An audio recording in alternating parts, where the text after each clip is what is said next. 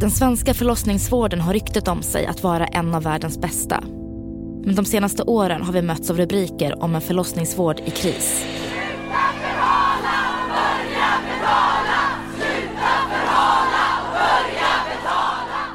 Hade man haft möjligheten så hade man tagit kniv och skurit upp sig själv liksom. Då när alla gick, och då det kändes som att nu har vi väl lämnat så här vid vägkanten för att dö. Vad är det egentligen som händer inom den svenska förlossningsvården? Alltså han, han ser ju död ut. I mina ögon så ser han död ut.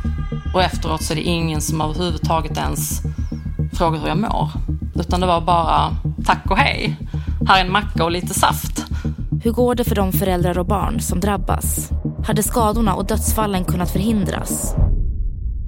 Det var som att man hade varit med om ett övergrepp. De ber om ursäkt, men sen då? Det händer ju inte annars i livet att man bara stoppar in fingrarna i någons vagina utan att fråga.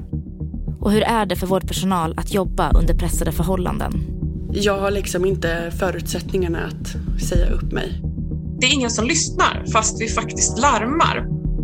Jag heter Irena Porjar. I en podcast i tre delar granskar Veckorevyn den svenska förlossningsvården. Podmi dokumentär om förlossningskrisen. Lyssna nu hos Podmi.